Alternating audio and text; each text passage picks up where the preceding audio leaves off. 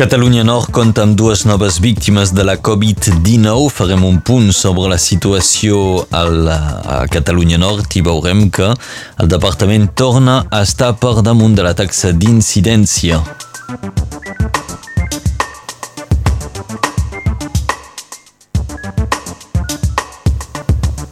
Demà serà un gran dia pels amants del rugby a 13. Els dracs catalans jugaran un partit de semifinals contra ULKR i Radio Arrels es prepara per la retransmissió d'aquest match.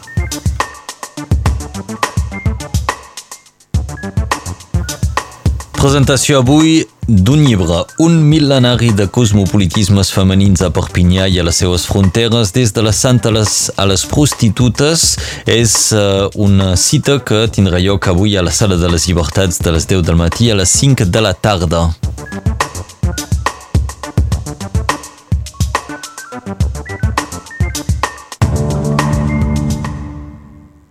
Comencem parlant de la gelada que va tocar Catalunya Nord entre el 4 i el 8 d'abril i va perjudicar els arbres fruiters des de la Salanca fins al Conflent, passant pel Fenolledès, el Vallespí, els Aspres, el Riberal i tota la plana del Rosselló. Ahir la Direcció Departamental dels Territoris i del Mar va publicar la llista dels municipis que poden pretendre obtenir indemnitzacions seguint el règim de calamitat agrícola. 120 municipis són concernits, els productors de préssecs, nectarines, abricots i cireres podran fer demanda d'indemnització a la web Telecalam o també en format paper a partir de demà i fins al 28 d'octubre. La Covid-19 va fer dues noves víctimes ahir a l'Hospital de Perpinyà. Ahir 70 pacients eren hospitalitzats, 10 d'entre ells estaven al servei de cures intensives. El nombre d'hospitalitzacions es manté a la baixa, en canvi la taxa d'incidència torna a pujar lleugerament. Catalunya Nord es troba de nou per damunt del nivell d'alerta amb 52,8 casos per 100.000 habitants. Recordem que si la taxa d'incidència es manté per sobre del 50 d'aquí al 4 d'octubre, els alumnes de les escoles del departament encara hauran hauran de portar la mascareta a classe.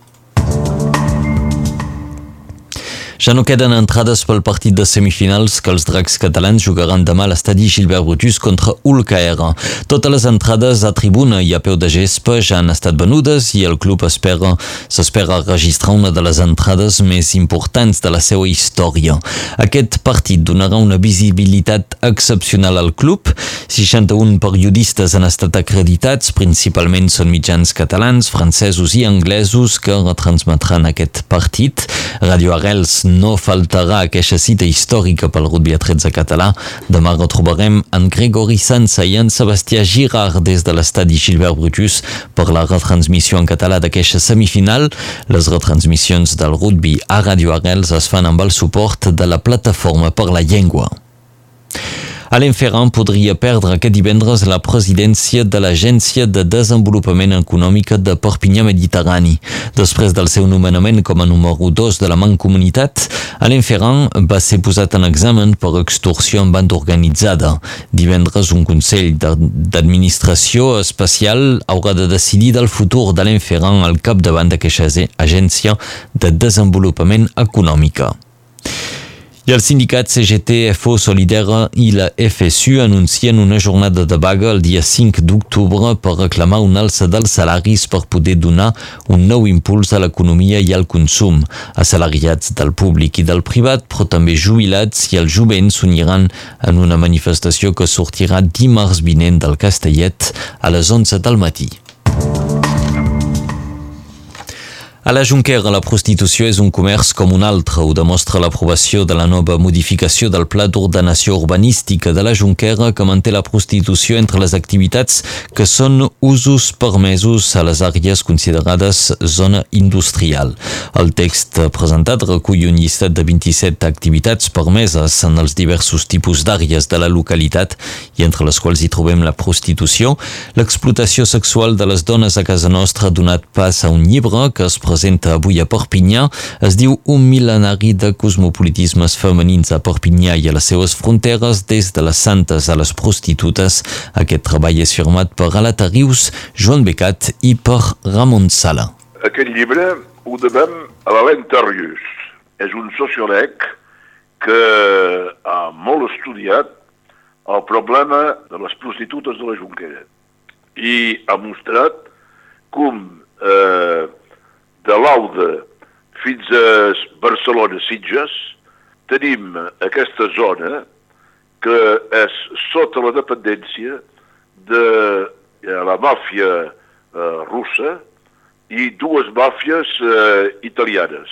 I eh, ha estudiat doncs, com aquestes prostitutes van els cercar des del Mar Negre, passant per eh, el Balcans, passant per Itàlia i eh, vinguent aquí eh, la Junquera.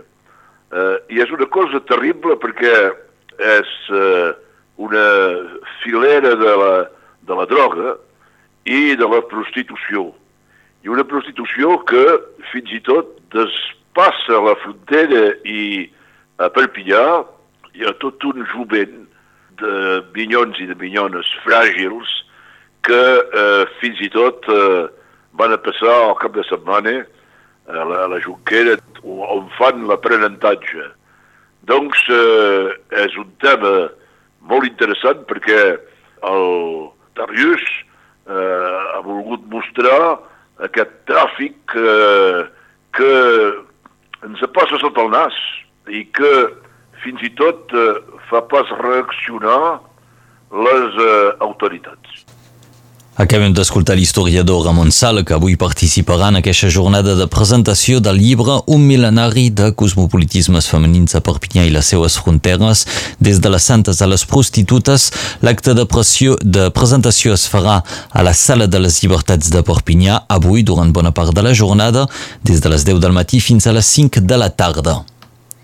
Una bomba va ser descoberta ahir a la costa de Portvendres. Un grup de bombers submarinistes va trobar un artefacte explosiu d'un metre de diàmetre, segurament una mina de la Segona Guerra Mundial.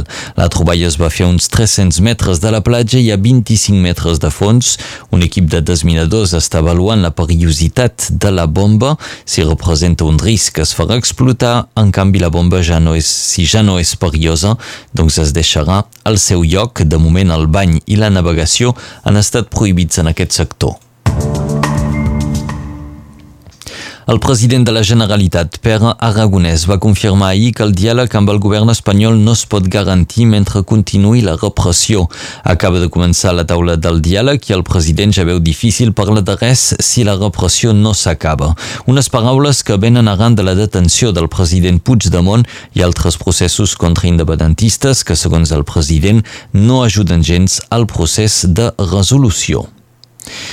I la CUP portarà a votació al Parlament una proposta per demanar un nou referèndum sobre la independència aquesta legislatura. Els copaires ho presentaran una, una proposta de resolució al debat de política general. La CUP decideix posar pressió, doncs, sobre Junts i Esquerra. Els copaires asseguren que els dos altres partits independentistes només poden ser favorables en aquesta moció. I acabarem amb els verds, els ecologistes a l'estat francès. Yannick Jadot serà el candidat ecologista a les eleccions presidencials. Jadot ha estat el vencedor de la primària ecologista amb un resultat força ajustat, 51,03% per Jadot contra 48,97% per Sandrino Rousseau. Yannick Jadot va ser el candidat més votat a la primera volta amb 27,7%, però en aquest cas també la diferència de vots entre els dels candidats va ser mínima.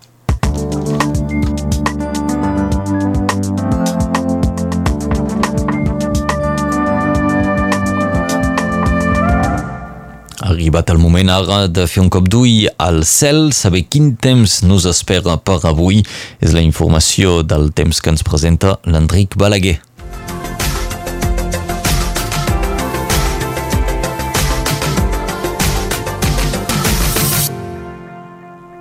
Tramuntana per Sant Miquel, octubre sec i serrer. L'anticicló ens fa arribar vent del nord i això fa baixar la temperatura. El dia és dominat pel sol, amb núvols alts i mitjans, i ja al matí es fiquen sobre l'albera i poden provocar alguns ruixats. Es dispersen al llarg del dia per deixar l'est del territori amb un cel serrer.